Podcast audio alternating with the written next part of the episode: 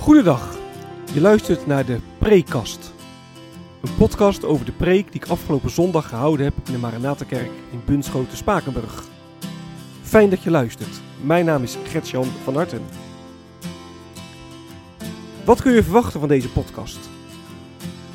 De Preekkast bestaat uit vier onderdelen. Ik begin met een korte introductie van de tekst waarover ik gepreekt heb.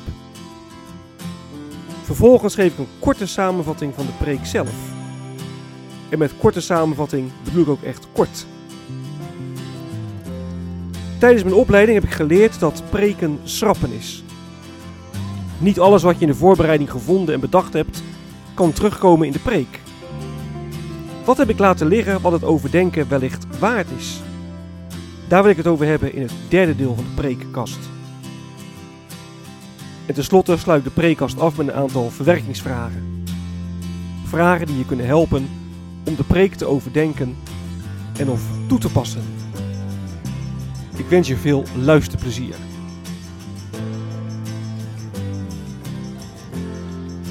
De tekst.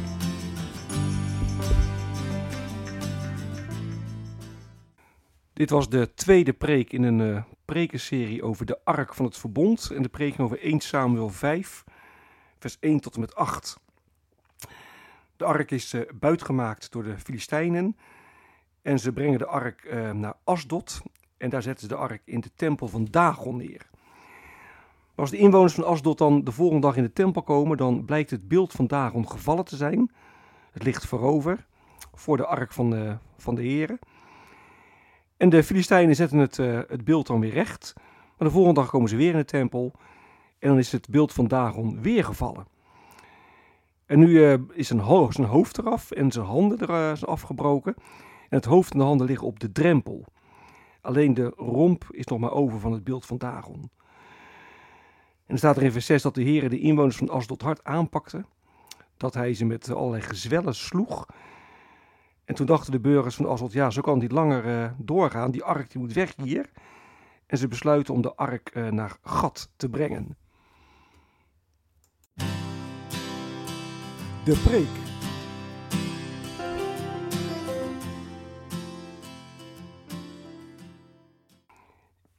Ik heb uh, boven de preek geschreven: Voor wie buig jij?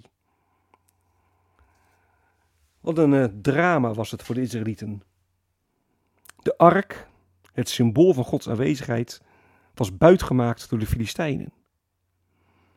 En wat nu? Hoe moest het nou verder? De ark was weg, God was weg. Ja, hoe moet het nu verder? Dat gevoel kon ons vandaag ook wel eens bekruipen. Als we zien dat de kerken steeds, ja, steeds leger raken, steeds minder mensen gaan naar de kerk. Er is veel lauwheid in de kerk, maar ook in ons eigen hart. En dan kan een gevoel van moedeloosheid je bekruipen. Gaat de kerk, waarvan de Bijbel zegt dat het de woonplaats van de geest is, niet naar de Filistijnen? Nou, reken maar dat de Filistijnen opgetogen waren. En ze dachten dat ze Israëls God hadden buitgemaakt. En de ark die wordt als een trofee in de tempel van Dagon gezet. En ja, dan komt de vraag boven, hoe machtig is de Heer eigenlijk? En zijn de afgoden van deze wereld niet veel sterker? Sterker dan God? Denk bijvoorbeeld ook maar aan, aan hedendaagse afgoden. Denk aan geld, gezondheid, geluk, de drie G's. Hebben die, deze drie G's niet veel meer invloed in ons leven dan God?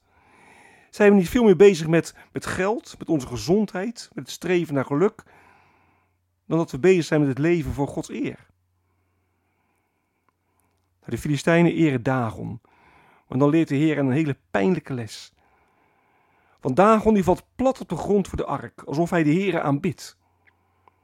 En een dag later ligt hij opnieuw op de grond. En nu zonder handen en hoofd. Die zijn afgebroken. En Dagon heeft zijn hoofd verloren. Dagon is onthand. Dagon die bleek machteloos. Afgoden helpen ons niet. Ze laten ons barsten. Dat gaat ook voor de moderne afgoden. Geld, gezondheid, het brengt geen blijvend geluk. Vroeg of laat laten ze je barsten. En dan draait de Heer de rollen om. De ark is geen trofee voor Dagon, maar Dagon wordt gedwongen om te buigen voor de Heer. En verkijk je niet op de macht van afgoden. De Heere regeert en hij toont zijn macht. Dagon valt en de Filistijnen worden geslagen met gezwellen. En ze weten niet hoe snel ze de ark weg moeten doen. Nou is dat dan de boodschap? De ark brengt onheil. Wees maar bang voor de Heer. Hij is God en als hij zijn macht toont, dan kun je hem beter bergen.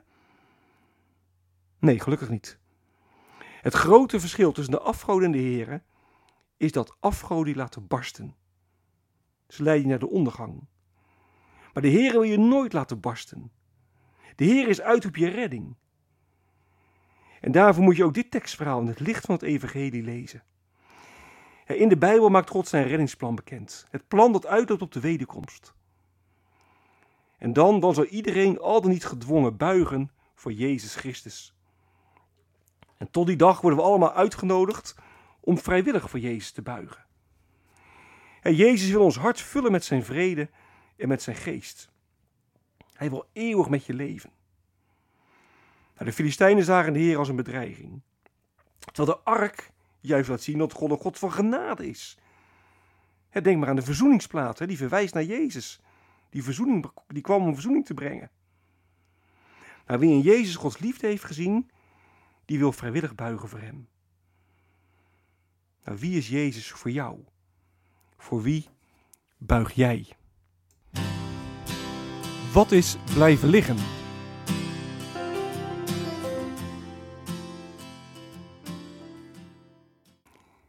Het eerste waar ik uh, de aandacht voor vraag is voor vers 5. Op de tweede ochtend uh, zijn de handen en het hoofd van het beeld van Dagon afgebroken.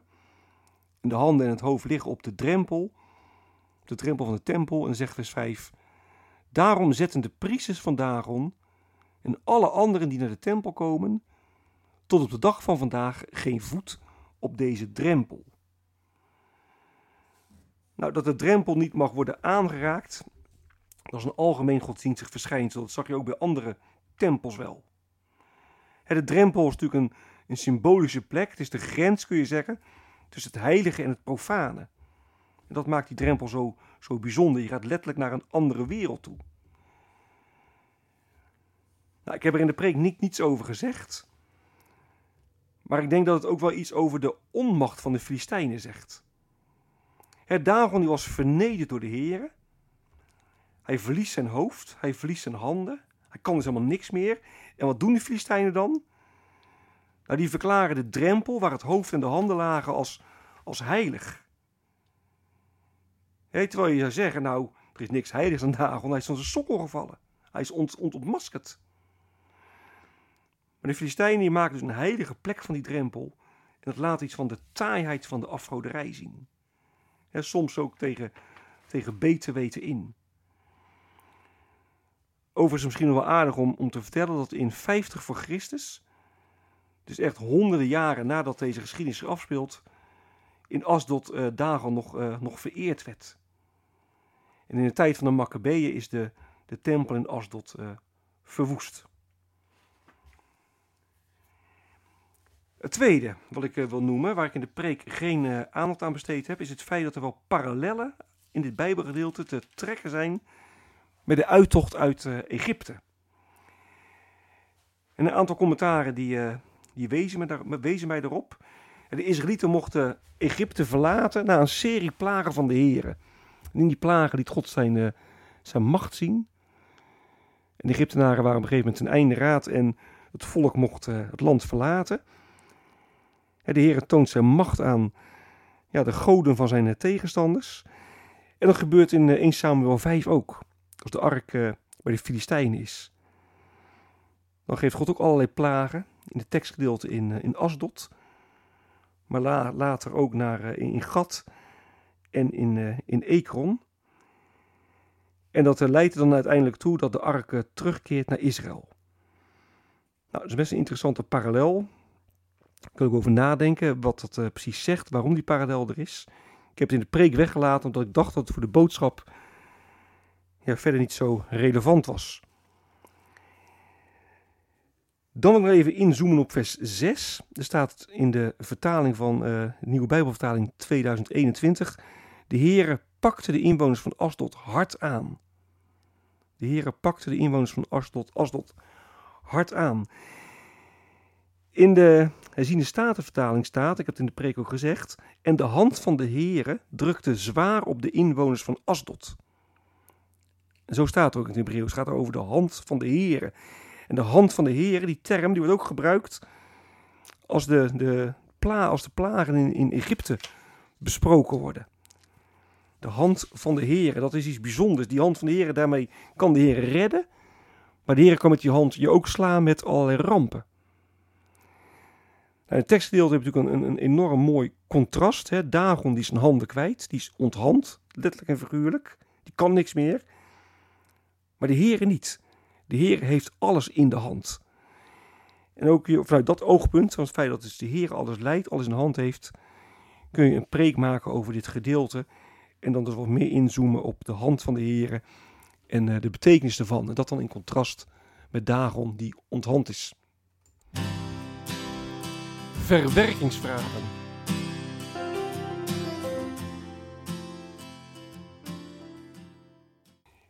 Ik maak bij mijn uh, preken altijd een preekblad. Dat heb ik nu ook uh, gedaan. En een preekblad is een uh, A4'tje met een samenvatting van de preek. Met een, een bijbelleesrooster waarop een aantal bijbelteksten staan die betrekking hebben op het onderwerp dat in de preek besproken is. En op het preekblad staan ook een aantal vragen. Vragen waar je nou, zelf over na kunt denken.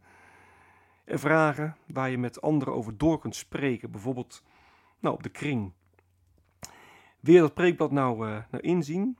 Het uh, staat in de Maranatha-app, de app van uh, de Maranatha-kerk.